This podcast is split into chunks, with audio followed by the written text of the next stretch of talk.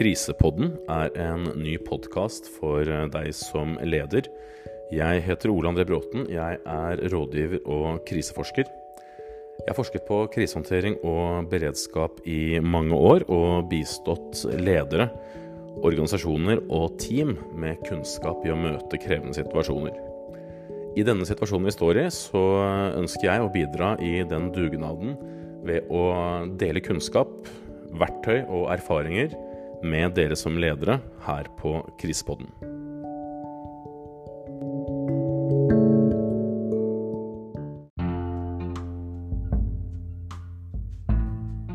Det første temaet i Krisepodden det er organisasjonskultur.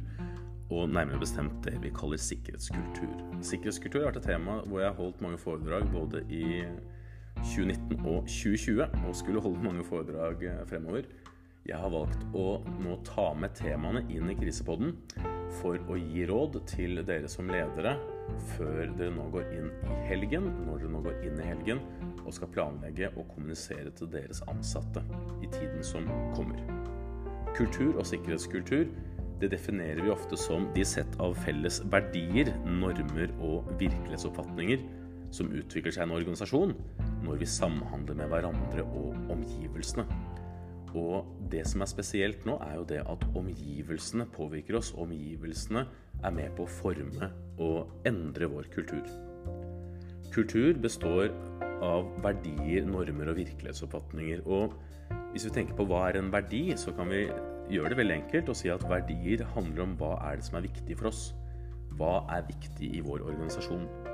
Normene, det handler om hvordan man bør opptre. Hvordan pleier vi å ha det her hos oss?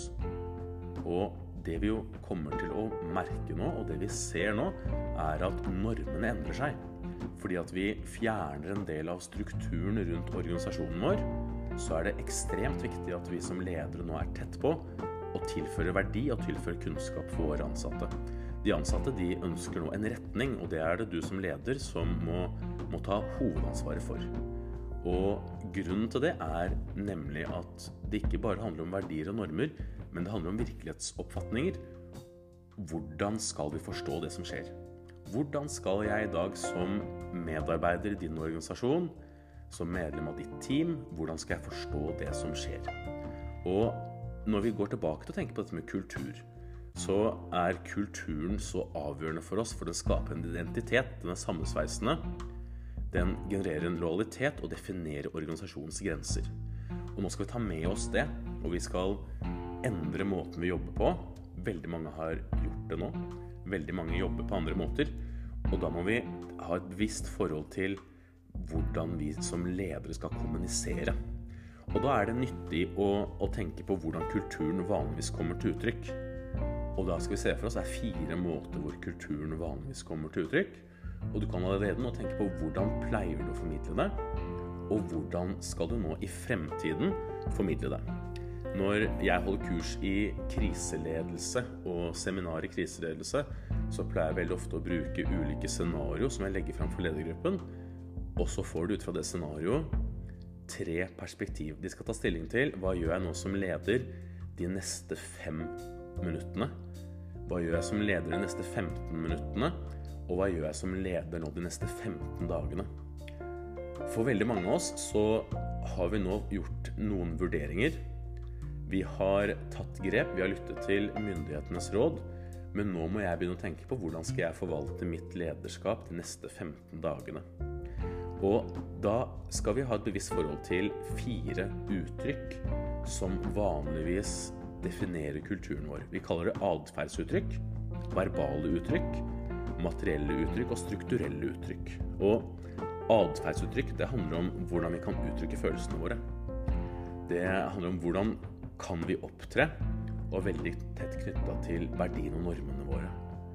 Og da kan vi tenke tilbake til hvordan jeg som leder, når jeg står og møter mine ansatte, hva er det jeg pleier å, å akseptere? Hva er det jeg syns er greit? Jeg pleier å prøve å, å sammenligne det med når jeg holder et foredrag for en stor gruppe syns jeg det er greit å få spørsmål fra salen uten at jeg har fått forberedt meg, eller vil jeg ha spørsmål til slutt? Vi må tenke at nå er vi i en situasjon hvor vi ikke alltid må tenke at jeg kan få spørsmål til slutt. Det kan være veldig behagelig som leder. Nå må jeg kunne akseptere at de ansatte har spørsmål underveis. At det kommer opp utfordringer, kommer opp spørsmål. Så atferdsuttrykket i organisasjonen vår er jo det veldig mange føler på nå. Det andre uttrykksformen det er det vi kaller verbale uttrykk. Og hvis vi skal se litt stort på det, så handler det om historier, myter og legender. Og det handler rett og slett om hvilke historier er det vi pleier å dele. Det er veldig ofte derfor vi drar på seminar. Vi tar med de ansatte på et, eh, et kurs fordi at vi skal få noen nye historier å ta med tilbake til kontoret. Nå er vi i en situasjon hvor historiene formes av veldig mye. Det formes av hva de ansatte opplever når de kommer hjem. Hva er de ansatte opplever når de møter det mediebildet som vi ser? Og hva er de ansatte tenker på sjøl innerst inne? Og det er med på å definere de historiene. Vanligvis så kan vi være med å styre de historiene, vi kan være med å påvirke de, og vi kan være med å bygge de positive historiene. Og det er utrolig viktig at vi fortsatt gjør.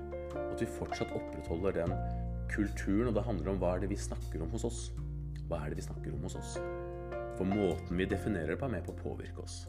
Jeg har min bakgrunn fra Forsvaret, fra politiet, og et veldig godt eksempel på som er på skapende historie. Hvis du ser en, en politibil i Oslo, så sto det alltid 'på jobb for en trygg hovedstad'. Og det er med på å definere hva er det vi snakker om. Vi snakker om positive verdier, vi snakker om positive historier. Så hvordan skal vi være med på å forankre gode historier i tiden som kommer? Vi sier veldig ofte at i dag handler veldig mye om godt lederskap, om å være god til å være en god historieforteller. Og det er nok enda viktigere nå i tiden som kommer. Og så må jeg kunne fortelle de historiene, ikke bare når jeg står sammen med de ansatte, ikke bare når jeg er samlet til et seminar, men jeg må kunne gjøre det i hverdagen. Jeg må kunne bruke ulike kanaler i den jobben. Den tredje faktoren det er det vi kaller materielle uttrykk. Og det er jo det vi ofte kan styre våre opplevelser rundt. Rundt arkitekturen vår, rundt bekledningen vår. Ta politiet som et uh, veldig godt uh, eksempel. Rundt uniformering, rundt hvordan man er hvordan man opptrer, rundt hvilke biler man har. Og alle som da er vant til å jobbe uniformert, de tar egentlig med seg en liten fordel. Og så må jeg tenke på det. Hva gjør vi nå? Hva er det som forandrer seg? Når vi er vant til å gå på jobb, så tar vi på oss en uniform, enten om vi har en politiuniform, eller om jeg jobber i shipping, eller om jeg jobber med forsikring, så går jeg inn i en rolle. Og det vi må tenke på fremover nå, er at den rollen blir nå litt mer løselig eh, tilknyttet. For det er litt mer uklart for meg, spesielt hvis jeg nå jobber hjemmefra. Hvilken rolle, og hvordan kan vi påvirke oss? Den siste delen det er det vi kaller strukturelle uttrykk. og Det handler om rutiner, det handler om prosedyrer, det handler om øvelse, det handler om trening, det handler om kompetanseutvikling. Og vi må huske på at det er det vi ofte kutter nå. Det kutter vi fordi at nå kan vi ikke møtes på samme måte. Hva gjør jeg i forhold til mine kunder? Jo, vi setter opp istedenfor å ha fysiske møter, fysiske seminar, så gjør vi det som webinarer. Vi gjør det nettbasert nettopp for å opprettholde de strukturelle uttrykkene. Og det er veldig viktig hvis du ikke allerede har en god plan for det. Begynn med å tenke hvordan kan vi fortsatt formidle kunnskap og kompetanse og en felles situasjonsforståelse. Jeg har lyst til å avslutte med den første biten som går på kultur. Vi må definere noe hvilke historier er det vi vil snakke om i vår organisasjon. Vi må definere hvilke verdier og normer er det som er viktige for oss. Samhold tror jeg vil være en veldig viktig verdi å, å tydeliggjøre. Vi kan se for oss en kommune hvor vi nå stenger skoler, vi stenger barnehager vi får utfordringer med bemanning i helsevesenet, ja, kanskje det kommer til å være sånn at de dyktige ansatte i barnehagen og skolen, kanskje vi trenger å ha de inn på eldresenteret, kanskje vi trenger å ha de inn på, på sykehusene, kanskje vi må tenke på en annen måte. Og vi må på en måte nå skape det samholdet allerede nå. I næringslivet så er man på mange måter vant til å dele på ansvar. Vi kommer til å se dette mye kanskje tydeligere. Og hvis vi da snur dette til vår fordel og er flinke til å skape og opprettholde den kulturen, og tenke at som leder så må du nå jobbe tre ganger så hardt med å opprettholde den samme kulturen som du alltid har gjort.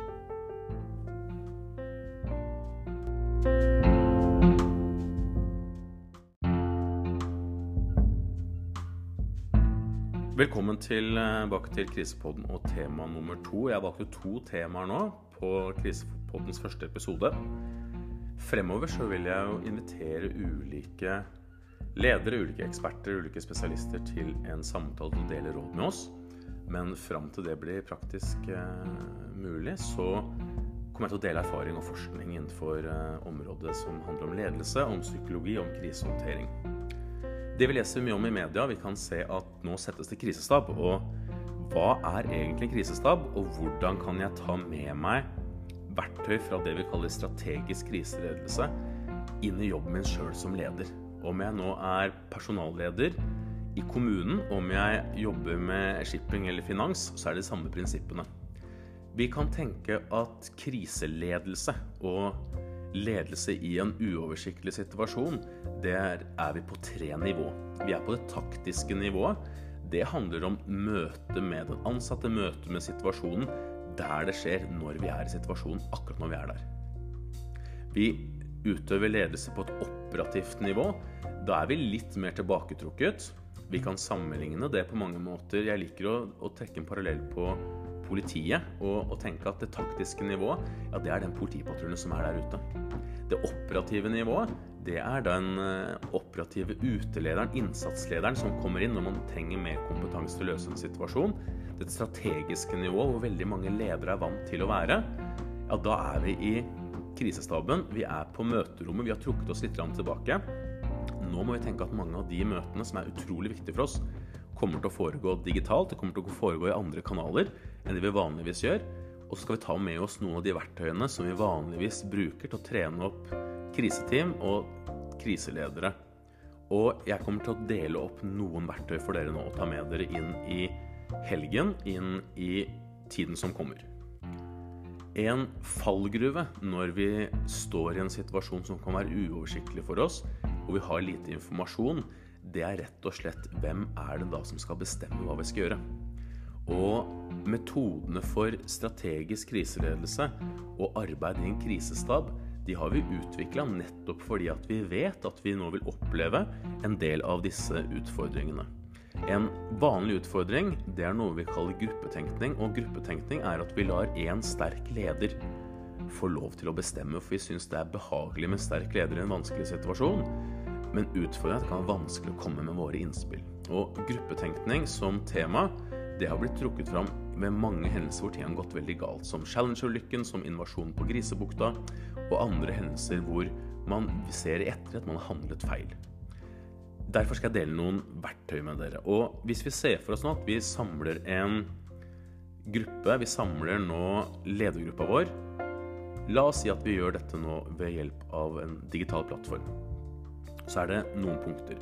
Det første vi må tenke på når vi møtes, når vi skal ha dette møtet, det er å gjennomgå i forkant de beslutninger som gruppen skal ta. Og når jeg går gjennom punktene her, så tar jeg utgangspunkt i et rammeverk som jeg publiserte i boken 'Håndbok i krisehåndtering'. Og det første vi skal gjøre, er å gjennomgå beslutninger som gruppen skal ta. Vi må vite hva er det vi nå skal ta og bestemme nå. Hva er det vi skal ta og beslutte.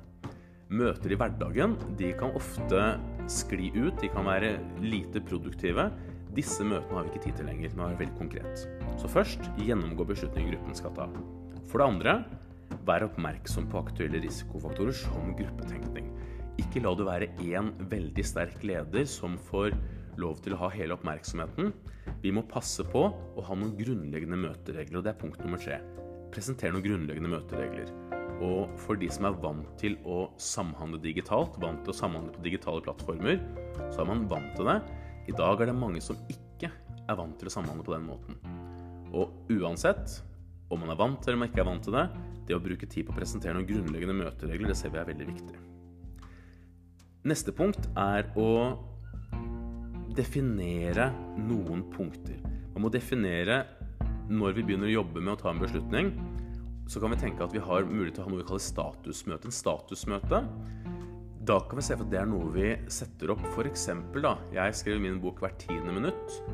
Det er en pågående situasjon vi har lite kontroll. Dette er en situasjon som er mer langvarig. Så vi kan se for at vi skal ha et møte nå på to timer. Vi bør ha en statusmøte kanskje hver halvtime. Og i det statusmøtet så presenterer alle hva har de gjort den siste halvtimen. For i en gruppe som skal fatte en beslutning, så er det viktig at vi definerer tidlig hvilke funksjoner er det hver enkelt har. Hvilke funksjoner er det hver enkelt har? Hvilke fokusområder er den enkelte skal jobbe med. Og hvem er det som er i gruppa. Så vi må definere hvor ofte skal vi ha et statusmøte. Da tar vi altså en liten timeout. Vi kan sitte og jobbe hver for oss med å løse våre individuelle oppgaver. Se for at nå har vi et møte, skal vare i to timer. Nå har vi toppledergruppen i en organisasjon. Vi definerer hvem skal jobbe med hva. Hva skal HR jobbe med? Hva skal HMS jobbe med? Hva skal IT jobbe med? Hva skal daglig leder jobbe med? Hva skal de ulike delene av organisasjonens ledelse jobbe med? Hvert 30 minutt så tar vi en status og forteller hva vi har gjort, og hva har vi av informasjon. Det andre vi må være bevisst forhold til, det er å ha det vi kaller milepæler. Altså ut ifra de beslutningene som gruppen skal ta. F.eks. hvor vi skal lokalisere virksomheten. Hvor er det vi skal jobbe fremover? Hva er planen vår på både kort og lang sikt? Vi må ha noen milepæler. Altså hva er det vi har gjort, og hva har vi oppnådd fram til nå? Litt avhengig av hvilke løsninger vi har, så kan det være fint å visualisere dette. Vi kan gjøre det så enkelt som å ha en whiteboard og sette opp milepælene der. Vi kan bruke andre programmer, men vi må ha en eller annen måte å vise hva er det vi har lykkes med. Hva er det vi har oppnådd fram til nå. Når vi nå har definert og vi har en plan for når vi skal presentere hva vi har gjort, vi har noen milepæler, hva er det vi skal lykkes med i dette møtet, så kan vi presentere oversiktsbildet. Og da er det veldig fint å er en som har ansvar for å presentere oversiktsbildet, eller det vi kaller big picture. Hva er det som er oversiktsbildet? Hva er det som er status nå? Hva kan du se? Og vi kan tenke at den personen kan ta en rolle litt som en djevelens advokat også. Være den som sikrer fremdrift i gruppa. Være den som definerer ok, hva er det vi har gjort, og hva er det vi skal gjøre. Det siste punktet vi har i en metodikk for strategisk kriseledelse, det er å identifisere vendepunkt, altså point of no return. Og det er jo det vi har sett de nærmeste dagene. Man analyserer og observerer situasjonen fra sentralt hold.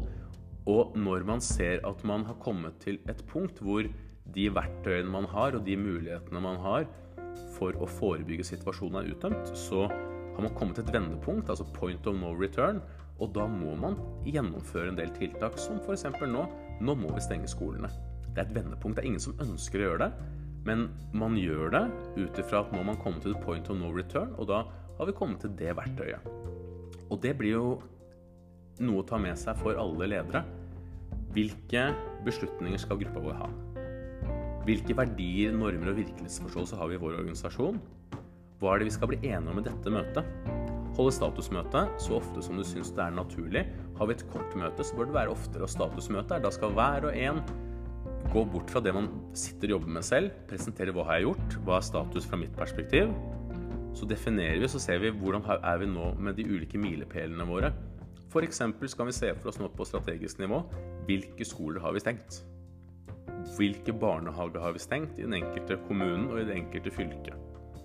Så må vi ha et oversiktsbilde. Må vi ha en person som spiller rollen som djevelens advokat. Jeg spiller ofte den rollen når jeg er inne og jobber med grupper. Men vi må definere hva er det som er situasjonen, og hvor langt har vi kommet? Og hva er det point of no return? Og hvilke tiltak er det vi skal gjennomføre nå? Dette var første episoden av Krisepodden. Det er mitt bidrag i den uh, samfunnssituasjonen vi er i nå, hvor vi alle må tilføre noe. Mitt bidrag er kompetanse. Jeg heter Ole André Bråten.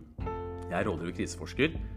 Og i episode 1 av Krisepodden så har jeg gitt råd i forhold til hvordan vi kan opprettholde en organisasjonskultur i en krevende situasjon, og gitt noen verktøy for hvordan vi kan jobbe sammen i en ledergruppe i en krevende situasjon. I nummer to av Krisepodden så vil jeg dele noen verktøy når det gjelder dette med hvordan vi kan ta vare på hverandre i en eh, situasjon som kan oppleves krevende for mange.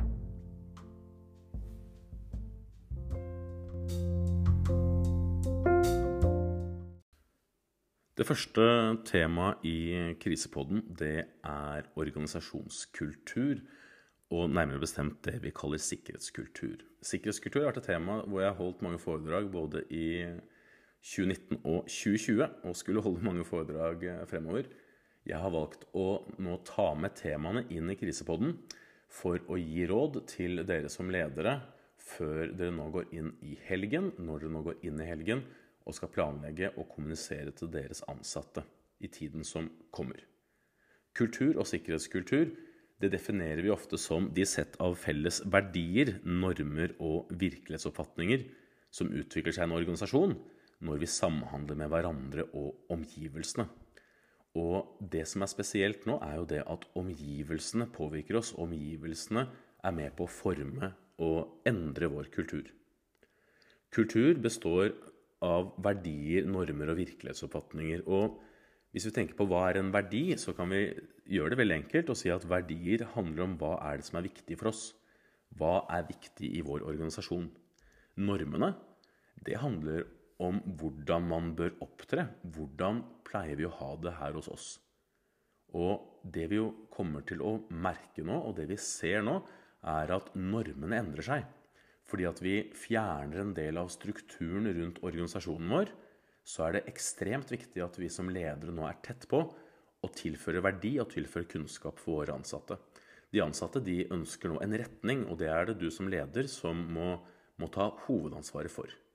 Og grunnen til det er nemlig at det ikke bare handler om verdier og normer, men det handler om virkelighetsoppfatninger. Hvordan skal vi forstå det som skjer? Hvordan skal jeg i dag som medarbeider i din organisasjon, som medlem av ditt team, hvordan skal jeg forstå det som skjer? Og når vi går tilbake til å tenke på dette med kultur, så er kulturen så avgjørende for oss, for den skaper en identitet. Den er sammensveisende. Den genererer en lojalitet og definerer organisasjonens grenser.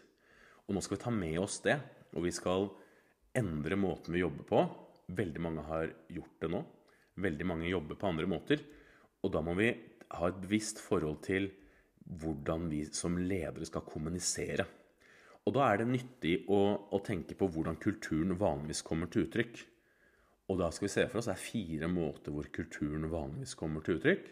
Og du kan allerede nå tenke på hvordan pleier du å formidle det, og hvordan skal du nå i fremtiden formidle det. Når jeg holder kurs i kriseledelse og seminar i kriseledelse, så pleier jeg veldig ofte å bruke ulike scenario som jeg legger fram for ledergruppen. Og så får du ut fra det scenarioet tre perspektiv. De skal ta stilling til hva gjør jeg nå som leder de neste fem minuttene. Hva gjør jeg som leder de neste 15 minuttene? Og hva gjør jeg som leder nå de neste 15 dagene? For veldig mange av oss så har vi nå gjort noen vurderinger. Vi har tatt grep, vi har lyttet til myndighetenes råd. Men nå må jeg begynne å tenke på hvordan skal jeg forvalte mitt lederskap de neste 15 dagene. Og da skal vi ha et bevisst forhold til fire uttrykk som vanligvis definerer kulturen vår. Vi kaller det atferdsuttrykk, verbale uttrykk, materielle uttrykk og strukturelle uttrykk. Og atferdsuttrykk handler om hvordan vi kan uttrykke følelsene våre. Det handler om hvordan kan vi opptre og veldig tett knytta til verdiene og normene våre. Og Da kan vi tenke tilbake til hvordan jeg som leder, når jeg står og møter mine ansatte, hva er det jeg pleier å, å akseptere? Hva er det jeg syns er greit? Jeg pleier å prøve å, å, sammenligne det med når jeg holder et foredrag for en stor gruppe. Syns jeg det er greit å få spørsmål fra salen uten at jeg har fått forberedt meg, eller vil jeg ha spørsmål til slutt? Vi må tenke at nå er vi i en situasjon hvor vi ikke alltid må tenke at jeg kan få spørsmål til slutt. Det kan være veldig behagelig som leder. Nå må jeg kunne akseptere at de ansatte har spørsmål underveis. At det kommer opp utfordringer, kommer opp spørsmål. Så atferdsuttrykket i organisasjonen vår er jo det veldig mange føler på nå. Det andre uttrykksformen det er det vi kaller verbale uttrykk. Og hvis vi skal se litt stort på det, så handler det om historier, myter og legender.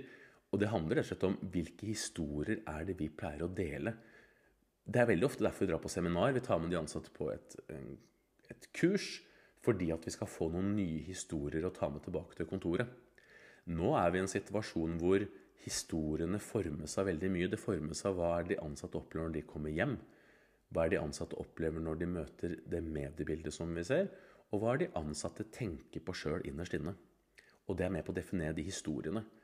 Vanligvis så kan vi være med å styre de historiene, vi kan være med å påvirke de, og vi kan være med å bygge de positive historiene. Og det er utrolig viktig at vi fortsatt gjør. At vi fortsatt opprettholder den kulturen. Og det handler om hva er det vi snakker om hos oss. Hva er det vi snakker om hos oss? For måten vi definerer det på, er med på å påvirke oss. Jeg har min bakgrunn fra Forsvaret, fra politiet, og et veldig godt eksempel på det som er på skapende historie. Hvis du ser en, en politibil i Oslo, så sto det alltid 'på jobb for en trygg hovedstad'. Og det er med på å definere hva er det vi snakker om. Vi snakker om positive verdier, vi snakker om positive historier. Så hvordan skal vi være med på å forankre gode historier i tiden som kommer? Vi sier veldig ofte at i dag handler veldig mye om godt lederskap, om å være god til å være en god historieforteller. Og det er nok enda viktigere nå i tiden som kommer. Og så må jeg kunne fortelle de historiene, ikke bare når jeg står sammen med de ansatte, ikke bare når jeg er samlet til et seminar, men jeg må kunne gjøre det i hverdagen. Jeg må kunne bruke ulike kanaler i den jobben. Den tredje faktoren det er det vi kaller materielle uttrykk. Og det er jo det vi ofte kan styre våre opplevelser rundt. Rundt arkitekturen vår, rundt bekledningen vår. Ta politiet som et uh, veldig godt uh, eksempel. Rundt uniformering, rundt hvordan man er hvordan man opptrer, rundt hvilke biler man har. Og alle som da er vant til å jobbe uniformert, de tar egentlig med seg en liten fordel. Og så må jeg tenke på det. Hva gjør vi nå? Hva er det som forandrer seg? Når vi er vant til å gå på jobb, så tar vi på oss en uniform, enten om vi har en politiuniform, eller om jeg jobber i shipping, eller om jeg jobber med forsikring, så går jeg inn i en rolle. Og det vi må tenke på fremover nå, er at den rollen blir nå litt mer løselig eh, tilknyttet. For det er litt mer uklart for meg, spesielt hvis jeg nå jobber hjemmefra, hvilken rolle og hvordan kan vi påvirke oss. Den siste delen det er det vi kaller strukturelle uttrykk. og det handler om rutiner, det handler om prosedyrer, det handler om øvelse, det handler om trening, det handler om kompetanseutvikling. Og vi må huske på at det er det vi ofte kutter nå. Det kutter vi fordi at nå kan vi ikke møtes på samme måte. Hva gjør jeg i forhold til mine kunder? Jo, vi setter opp istedenfor å ha fysiske møter, fysiske seminar, så gjør vi det som webinarer, vi gjør det nettbasert, nettopp for å opprettholde de strukturelle uttrykkene. Og det er veldig viktig hvis du ikke allerede har en god plan for det begynne å tenke hvordan kan vi fortsatt formidle kunnskap og kompetanse og en felles situasjonsforståelse. Jeg har lyst til å avslutte med den første biten som går på kultur.